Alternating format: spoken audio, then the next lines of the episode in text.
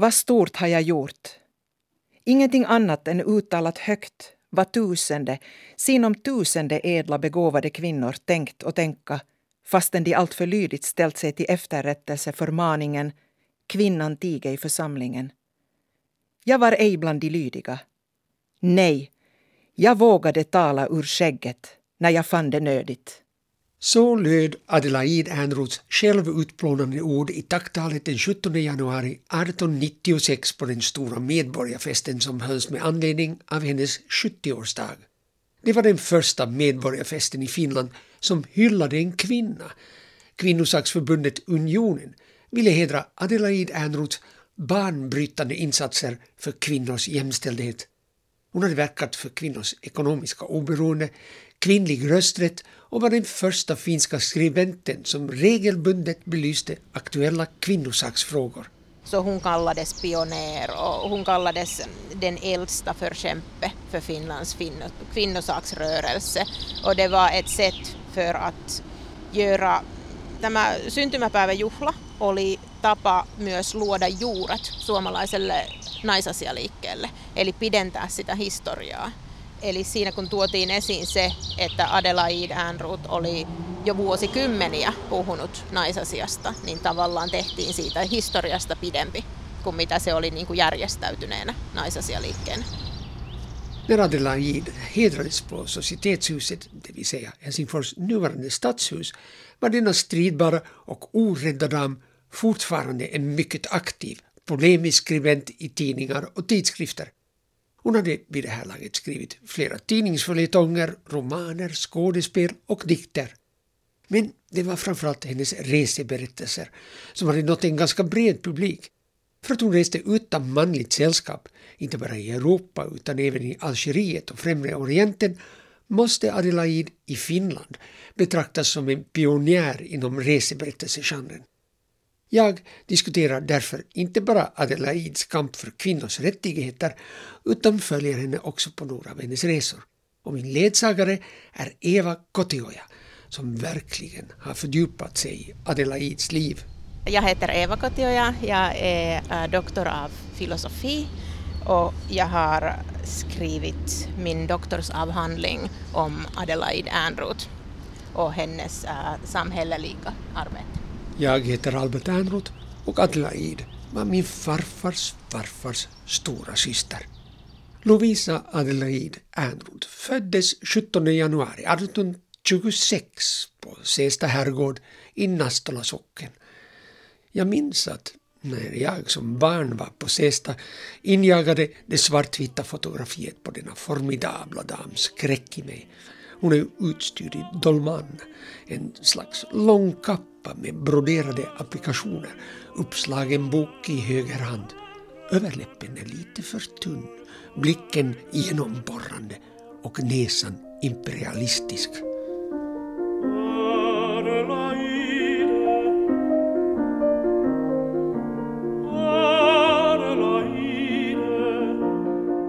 Adelaide var Johanna Kristina von Plattens och generalmajor Gustav Adolf Ehrnroths åttonde barn. Paret fick 16 barn, men bara hälften nådde vuxen ålder. Adelaide växte upp i en officersfamilj. Farfar var också generalmajor och två bröder nådde generalsrang. Adelaides far, Gustav Adolf, utmärkte sig i flera strider i 1808-1809 års krig men flyttade sedan som många andra till Sverige. Han återvände 1812, Sista gård måste skötas, och blev chef för det nybildade andra finska jägarregementet. Hon idoliserade hennes pappa. Han var en ideal adelsman och Adelaide också ville äh, leva på hans standard. Adelaide betraktade livet ut sin far som en förebild och därför beskrev hon sig själv i tacktalet vid medborgarfesten också som en kvinnosakens offervilliga svenduva. Liknelsen anknyter till hennes hjältemodiga far som omtalas i Fänrik Stålsägner i dikten Fältmarskalken och han lär också vara förebilden för generalen i Fänrikens marknadsminnen. Adelaide kallades en familj för Adele. Aja var hennes smeknamn. Aja blev också hennes författarnamn. Hennes brev och böcker ger bevis för att hon var mycket beläst. På kvällarna satt man tillsammans och konverserade och man får en bild av en familj som, när Aja var ung, höll ihop, faktiskt njöt av att umgås med varandra. Det finns många olika självbiografiska inslag och teman eh, i hennes eh, skrivelser, hennes romaner. Eh, så det finns herrgårdsmiljön, många syskon, så stora familj, eh, officerare, eh, krigen i, i Ryssland, hennes bror var officerare. Familjerelationer i stora familjen det fanns också där i, i hennes skrivelse. Jag ser en bild framför mig av en hemtrevlig Biedermeier-miljö där damerna ägnar sig åt sina handarbeten medan någon läser högt ur memoarer eller en historisk roman. Det förväntades att en ung adelsfröken kunde föra och klä sig och uppträda behagligt. Det yttre ansågs vara en spegel av det inre. Därför blev flickor skolade i hållning, dans och fick undervisning i sömnad. Adele älskade att dansa men ifrågasatte broderandets nödvändighet. Katekesen från perm till perm. Herrn de Pupliers parlör för språkstudiet. Fruntimmers handbok för historia, mytologi och klassisk litteratur. Därtill kom sällskapstalanger, dressyr i en eller flera dansskolor. I andra rummet mindre framstående färdigheter såsom chattersöm, krävande årtal av ögonmördande arbete för att åstadkomma stela blommor, fåglar, fjärilar, arabesker och landskapsstycken. Vidare fina hålsömmar och klumpsömsbroderier som varken tjänade till smakutveckling eller praktiskt gagn. Sommartid gjorde ungdomarna ofta utflykter eller vistades hos släktingar på gårdar i grannsocknar och, och då reste man med häst och vagn. Någon järnväg fanns det ännu inte.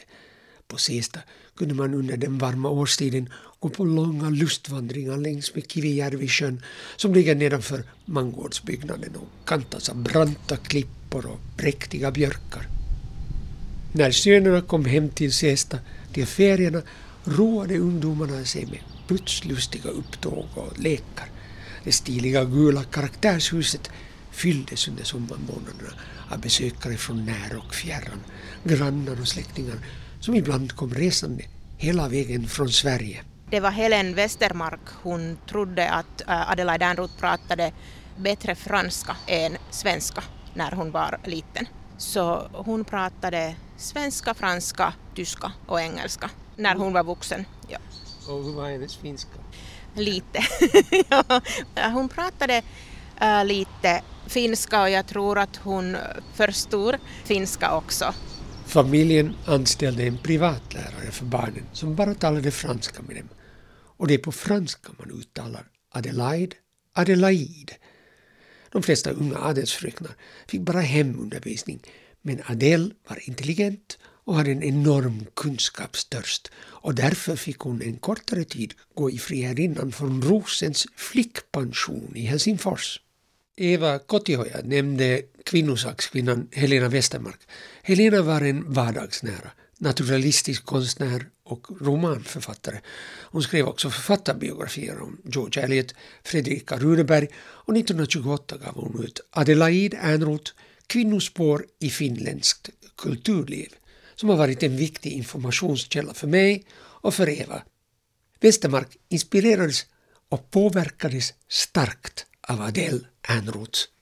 Hon ville ju lyfta fram föregångarkvinnor och hon liksom såg att det fanns ett behov av att man skulle kunna läsa om sådana kvinnor som hade brutit mark på, på tidigare okända områden så att säga och, och därför så, så, så, finns det nog i nästan alla hennes biografier ett sånt här väldigt starkt beundrande inslag. Jag talar med Julia Dahlberg, forskare i historia vid Uleåborgs universitet. Julia skrev sin avhandling om Helena Westermark.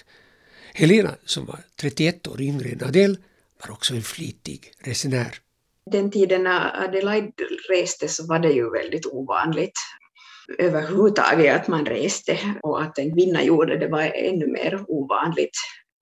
Men när man sen kommer till 1880-talet när Helena Westermark begav sig iväg så då var ju situationen redan en annan och det liksom var redan mycket lättare att ta sig fram. Det fanns järnvägar och det fanns båtslinjer som gick regelbundet mellan Finland och så att säga det övriga Europa. Sin första utlandsresa gjorde Adele som 19-åring 1845.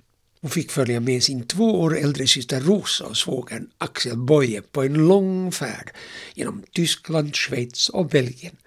I Adels resedagbok kan man redan skönja hennes språkliga begåvning och humor.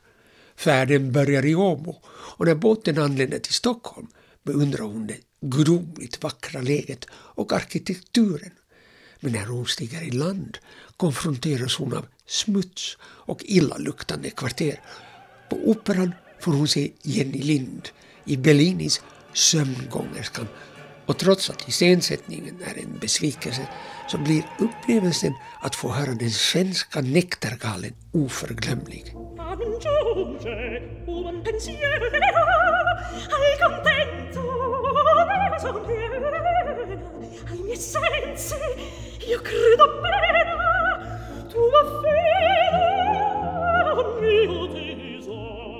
På båtfärden från Stockholm till Kalmar råkar Fredrika Bremer vara det lilla resesällskapets bordsgranne.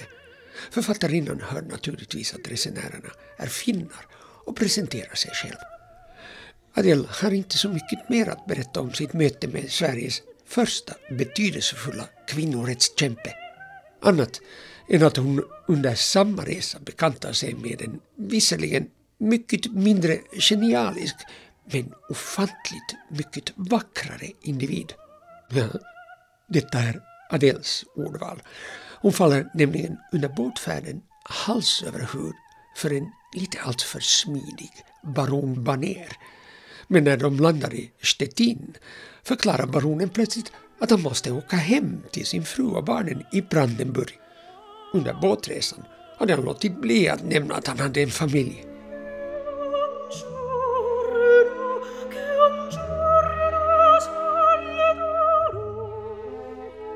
Det finska sällskapet fortsatte sin resa till Berlin, Dresden och besökte flera natursköna orter och kuranstalter. Speciellt roliga är Adels vignetter, hennes karaktärstudier av människor hon träffar i kurorten Franzensbad i dagens Tjeckien. Hon var i Bonn när den berömda statyn av Beethoven avtäcktes av den preussiska kungen i närvaro av Storbritanniens drottning Victoria och hennes vackra prins Albert utstyrd i fältmarskalksuniform. Röd som en kokt kräfta med strumpebandsorden. Vidare en hel mängd andra fullblods och halvblodsprinsar som ingen orkade se på.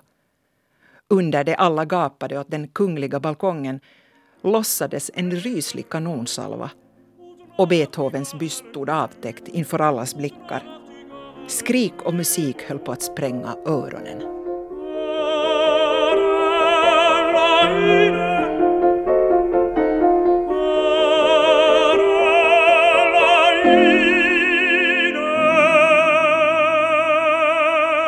Adels bildningsresa varade i tre månader men de därpå följande åren gjorde hon inte några längre resor än till Sankt Petersburg. 1848, tre år efter utrikesvistelsen, dog Adels älskade far och därmed blev ekonomin på Sesta en längre tid ganska ansträngd. Generalskan tog tillsammans med inspektorn hand om skötseln av gården. Men det hörde också till hennes plikt att försöka få döttrarna som ännu bodde hemma bortgifta, det vill säga Adele, Elise och Emma förväntningen var ju att man skulle vara gift när man hade passerat en viss ålder. Och det här märktes ju nog på många sätt också hur liksom samhället var organiserat utgående från en sån förväntan. Så att, att för de kvinnor som, som trots allt inte sen var gifta så, så ledde det här ju på sätt och vis till problem för att man utgick från att det var mannen som skulle försörja och, och om det då inte fanns någon man så, så hur skulle man riktigt göra då? Julia Dahlberg. En kvinna av god familj förväntades inte arbeta för pengar. Istället bortplottrade hon tiden med hushållsuppgifter, kafferep, broderi och idkade små talanger som det hette, typ måleri och musik. Verkligt bildande och ståndsutvecklande läsning stod inte högt i kurs, skriver Helena Westermark. Däremot var det, precis som idag, viktigt att bygga sociala nätverk.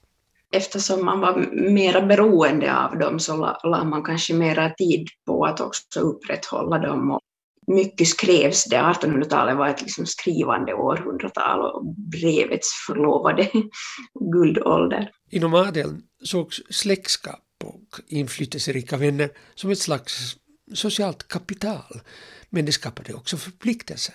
Adele uppmuntrades att åka till Sankt Petersburg där det fanns möjligheter att ingå ett fördelaktigt äktenskap. Hon fick bo hos Aurora Karamsin som var änka efter Rysslands Krösus, Paul Demidov.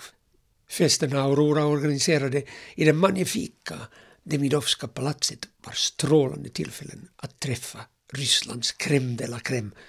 Adele struntade visserligen i balernas strikta etikettkod men hon fastnade ändå för den inflytelserike prokuratorn Carl Johan Wallén som var medlem i finska senaten och dessutom Aurora Karamzins styvfar.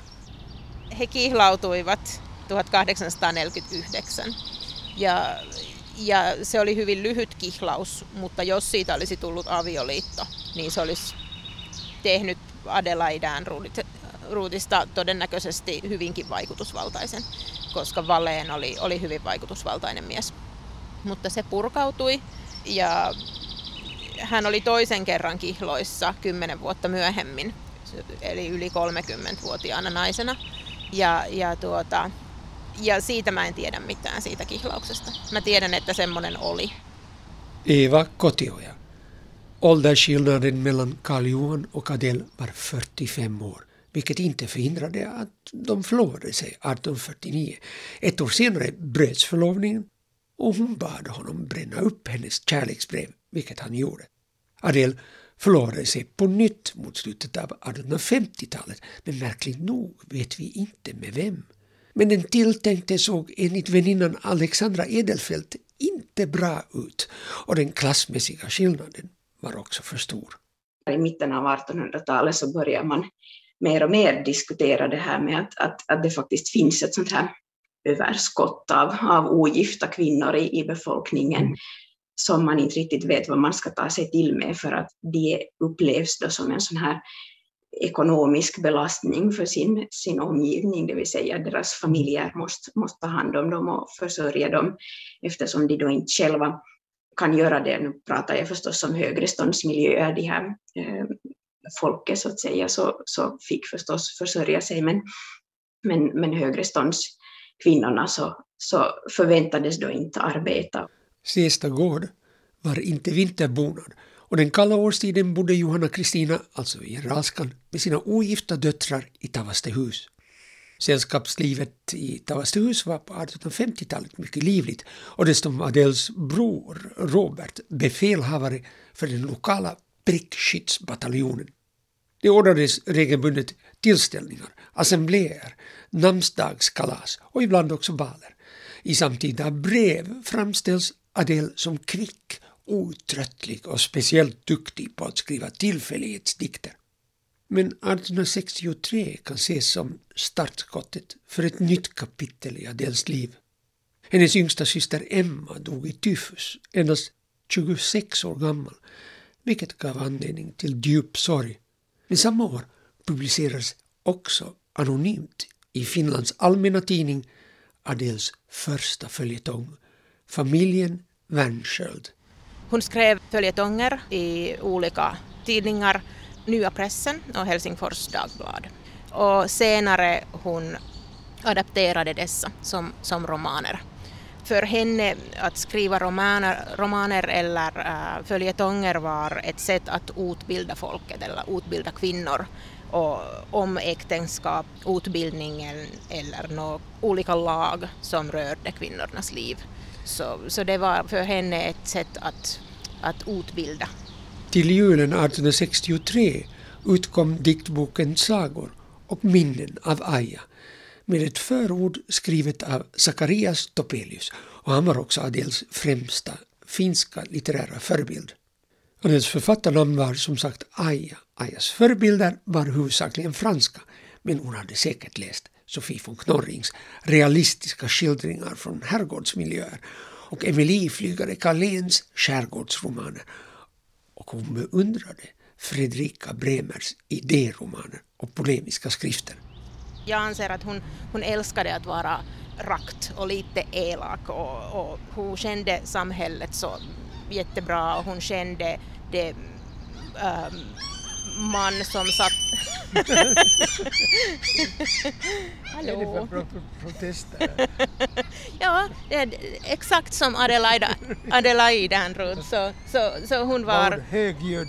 Hon var högljudd, hon var, hon var passionerad och, och ja. hon, hon tyckte om att vara rakt och ljud. Ja. Se, se rakt ut, ja. Ja, Adele kunde vara godmodigt elak. Samma år som Adels diktdebut publicerades flyttade hon till Helsingfors och det var en stor omställning.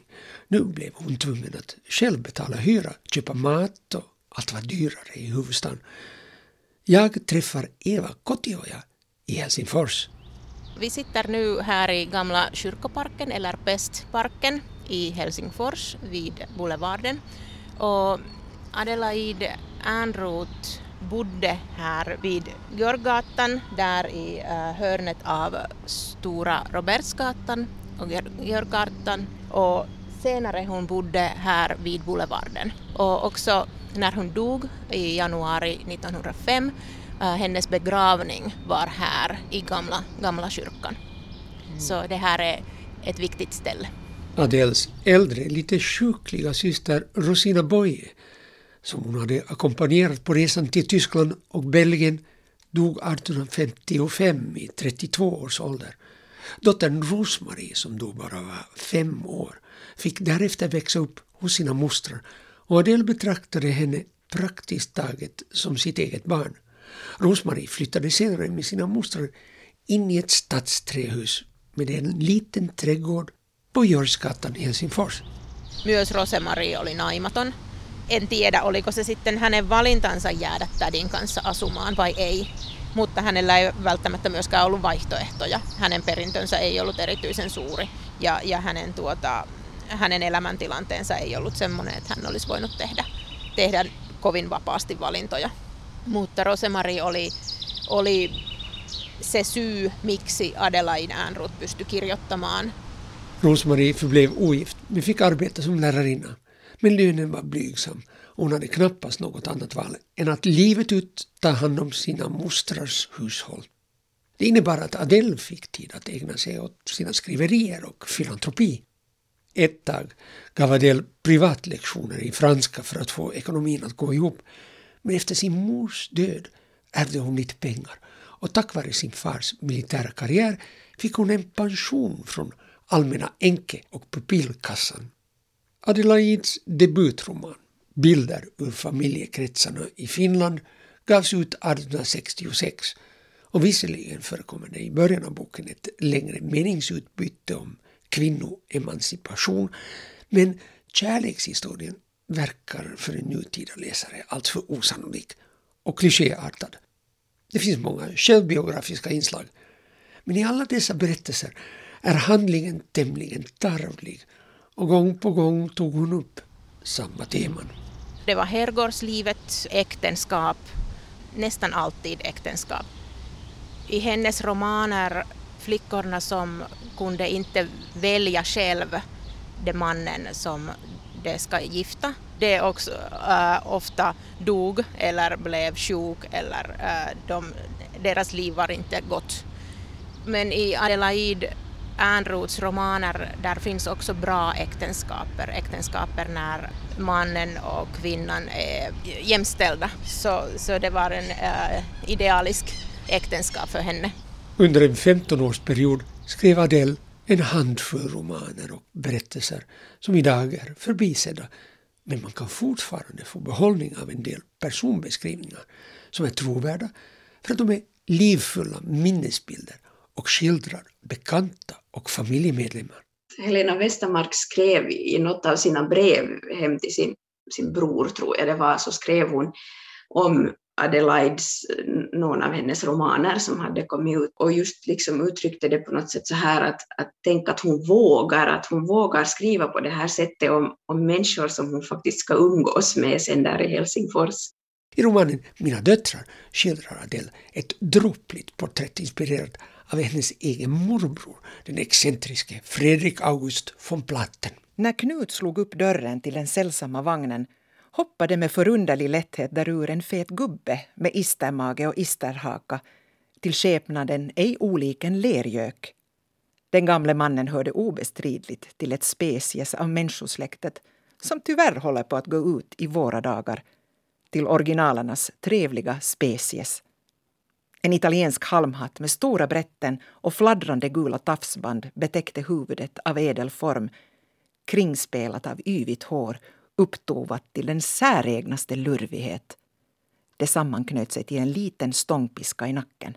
I Adelaids romaner har kvinnorna svårt att anpassa sig till äktenskapets krav och det brukar alltid gå snett om giftermålet har ingåtts av ekonomiska skäl.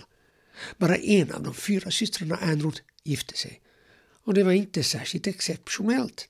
Man uppskattar att på den tiden en tredjedel av Helsingfors kvinnor i 40 till 44 års ålder ogifta. Ogifta kvinnor bodde ofta ihop med syskon eller med sin mamma eller en väninna. Kvinnliga ensamhushåll var mycket ovanliga. Livet på den tiden var, var så mycket mer arbetsdrygt än det är nu för tiden också. Att, att bara att, att eh, sköta ett hushåll med matlagning och tvätt och, mm. och liksom hela det här, så, så det var ingenting man klarade av på egen hand. En kort reformvänlig period inleddes med landdagen 1863-64. Det gjordes en väsentlig lagändring för kvinnor som nu blev myndiga vid 25 års ålder och ogifta kvinnor som nu kunde resa fritt, förfoga över sina egna inkomster och tillgångar. Men gifta kvinnor hade inte samma rättigheter tills de eventuellt blev änkor. Mutta naimisissa olevan naisen tilanne oli, oli huomattavasti huonompi. Eli mies pystyi esimerkiksi käyttämään vaimonsa perinnön tai myymään hänen omaisuuttaan. Ja, ja se oli se, mistä hän kantoi huolta. När Adele flyttade till Helsingfors började hon också ägna sig åt barmhärtighetsverksamhet. Hon ansåg att välgörenhetsarbete hörde till adliga kvinnors sociala plikt. Det fanns varken socialtjänst eller hälsovård och socknarnas fattigvård var otillräcklig. Kyrkan saknade den moderliga omsorgen som kvinnor i fruntimmersföreningar kunde erbjuda. Fruntimmersföreningen grundades i Finland från och med 1830-talet och, och idén kom från Tyskland via Vibori, Vibor och Helsingfors fruntimmersförening grundades år 1848. Och hon var med? Uh, hon var med från 1863 okay. när familjen flyttade här till Helsingfors från Sästagård. Paul Demidovs morgongåva till Aurora Karamzin var en ansenlig summa till Helsingfors handarbetsskola för föräldralösa flickor, men flickorna fick inte en högre utbildning. Den generösa donationen föranledde också bildandet av fruntimmersföreningar i hela landet. Fruntimmersföreningens mål var att hjälpa fattiga kvinnor och barn och det, var, det var typisk väl, välgörenhet. Så, mm. så överklassens kvinnor gav mat eller kläder eller medicin och lite syarbete eller någonting för, till dessa fattiga kvinnor. Och det var inte samhälleliga arbete på det sätt att, att det, det inte försökte att förbättra äh, kvinnans medborgerliga rättigheter. Nej, det var välgörenhet. På 1860-talet fanns det kvinnoföreningar i praktiskt taget alla finska städer. De understödde privata skolor som undervisade flickor från medellösa familjer. De såg till att äldre kvinnor kunde få en liten inkomst från handslöjdarbeten. Och det fanns möjligheter att få lån för att starta eget. Men det krävde naturligtvis mannens samtycke. Föreningarna kunde naturligtvis inte räkna med stöd från stormrika filantroper som Demidov, men samlade istället in pengar genom att ordna soaréer, basarer, teaterföreställningar och lotteribaler. Dessa föreningarna utvidgade kvinnornas uppfattningen om samhället eftersom välgörenhet som gjorts i fattiga hem visade det, det orättvisa strukturer i samhället. Lagen hade också ändrats så att kvinnor kunde tjänstgöra i förtroendepositioner och 1866 utsågs Adele till Helsingfors fruntimmerföreningens sekreterare. En roll som hon behöll i 20 år. Under missväxtåren 1866, 67 och 68 var nödhjälpen från alla dessa föreningar väsentlig. De drev soppkök och tog hand om föräldralösa barn och tiggare. Kvinnoföreningarnas hjälp under hungersnöden var också bevis för att kvinnor var mer än kapabla att organisera livsviktiga insatser utan männens hjälp. Välgörenhetsarbetet gav Adele för första gången en inblick i fattiga människors levnadsomständigheter. The object of this essay is to explain as clearly as I can the reasons for the following proposition. The principle that regulates the existing social relations between the two sexes, the legal subordination of one sex to the other, is wrong itself and is now one of the chief obstacles to human improvement. Den engelske filosofen och nationalekonomen John Stuart Mill publicerade 1869 The Subjection of Women. Redan samma år översattes essän till svenska och Adele uppmärksammade kvinnans underordnade ställning i en lång serie artiklar i Helsingfors Dagblad. För den här finska kvinnorörelsen så hade den en stor betydelse, kanske just därför för att där finns tanken om att, att kvinnor har rätt att vara en del av samhället, inte bara för att de är mammor och mödrar för, för framtida barn, utan också för sin egen skull och, och för att, att kvinnor, precis som, som alla andra människor har, har sådana intellektuella behov till exempel som man kan behöva utveckla. Stuart Mills essä Kvinnans underordnade ställning utgör en vändpunkt i den finländska kvinnodebatten. Artikelserien om Mills skrift inledde också Adels imponerande journalistbana. I Finland blev hon den första som regelbundet belyste aktuella kvinnosaksfrågor. Helena Westermark påstod att Aja byggde hela sin samhällspolemik på Stuart Mills grundprinciper och the subjection of women.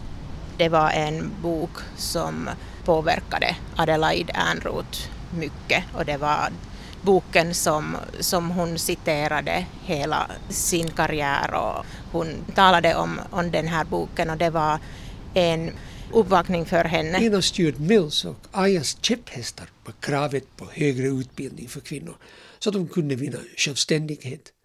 Maria Cecilin blev 1870 den första kvinnan i Finland och faktiskt hela Norden som avlade studentexamen. Därpå följande året lyckades Rosina Heikel få dispens av kejsaren för att gå läkarutbildningen i Helsingfors. För övrigt utan att officiellt vara inskriven. Sju år senare blev Heikel den första kvinnan i Norden som avlade medicine licentiatexamen. Men doktorsexamen fick hon inte avlägga. Där på 1800, nu minns jag inte exakt, 1870-talet i alla fall, mm. så då så, så, liksom så drog man in den här rätten och så började det då krävas dispens, då särskild dispens för att man ska kunna som kvinna då få studera. Vi har ju till exempel Lydia Seseman som var Finlands första doktor, eh, så hon hörde ju alltså till de här som hade, hade studerat då i, i Zürich.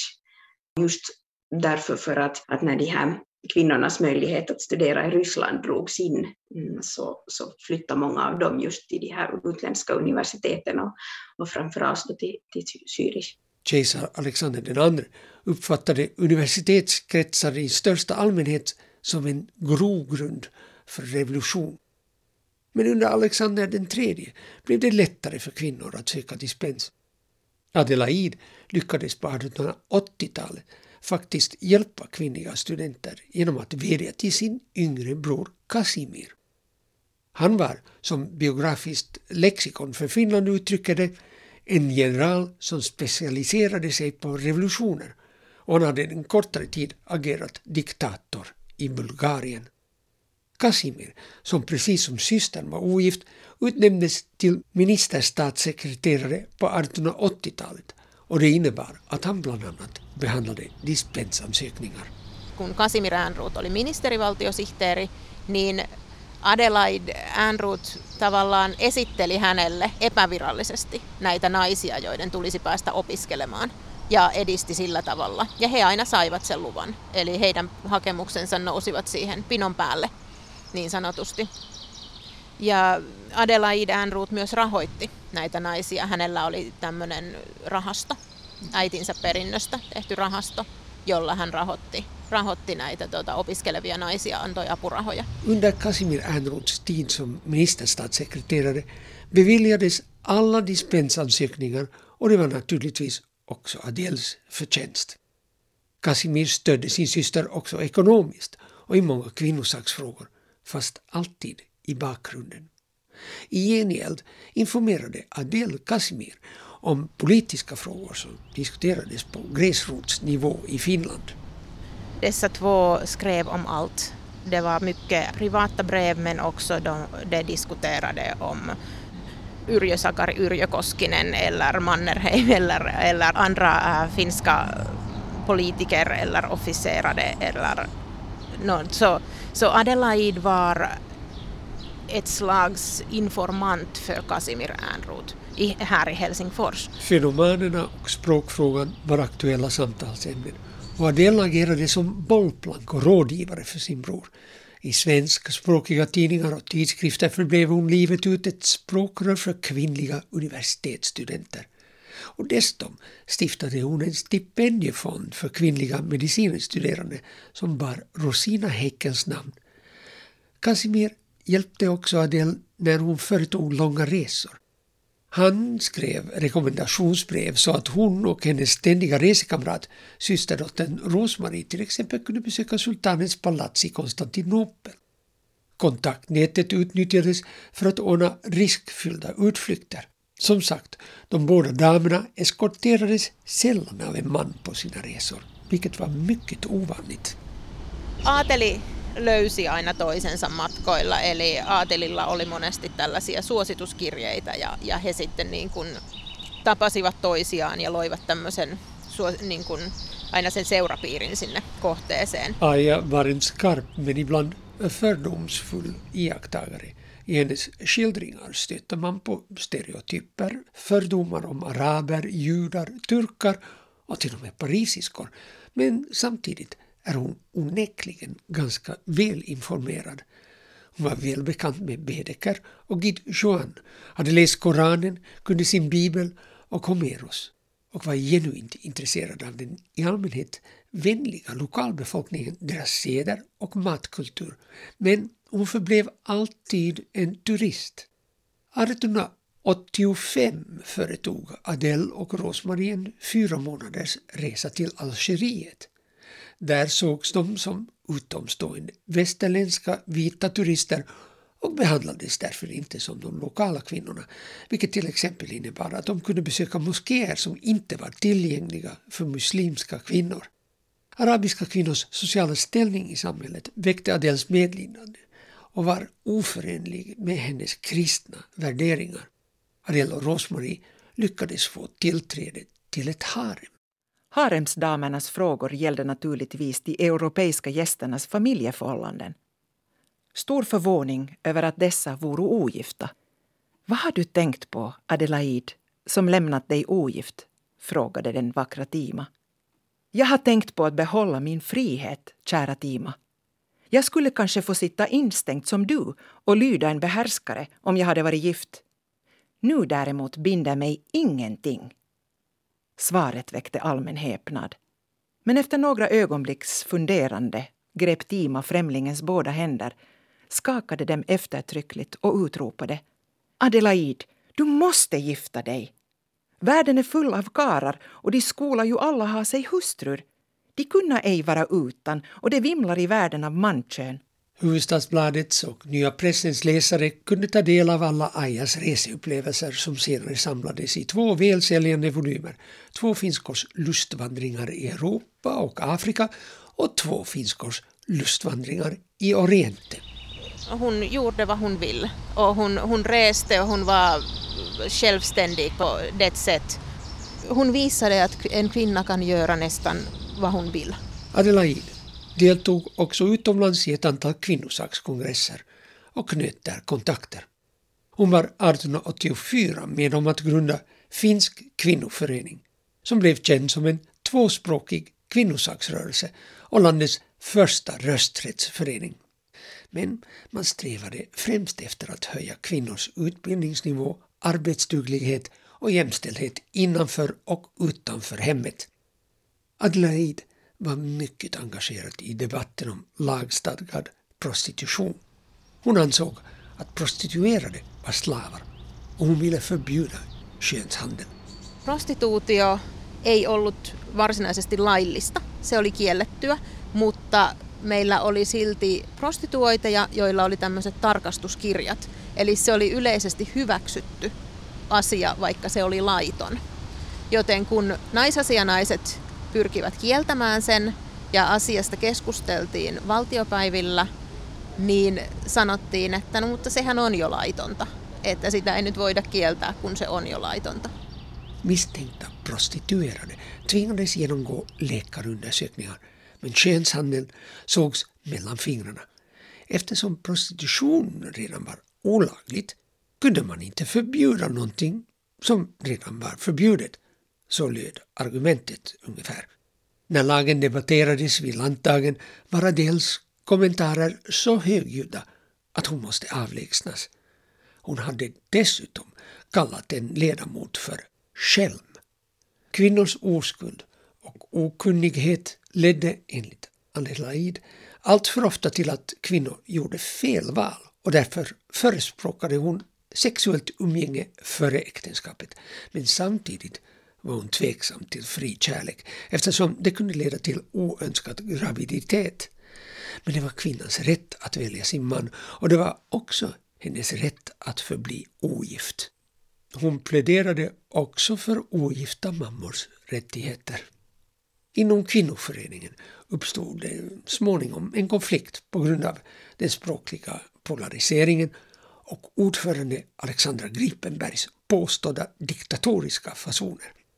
En oppositionell grupp bröt sig ut och bildade 1894 kvinnosaksförbundet Unionen. Och Adelaide anslöt sig till det.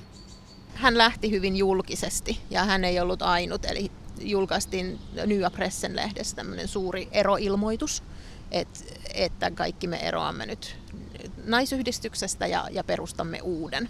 Kvinnosaksförbundet fokuserade på kvinnornas rösträtt och Adele var en av förbundets modigaste kämpar i rösträttsfrågan.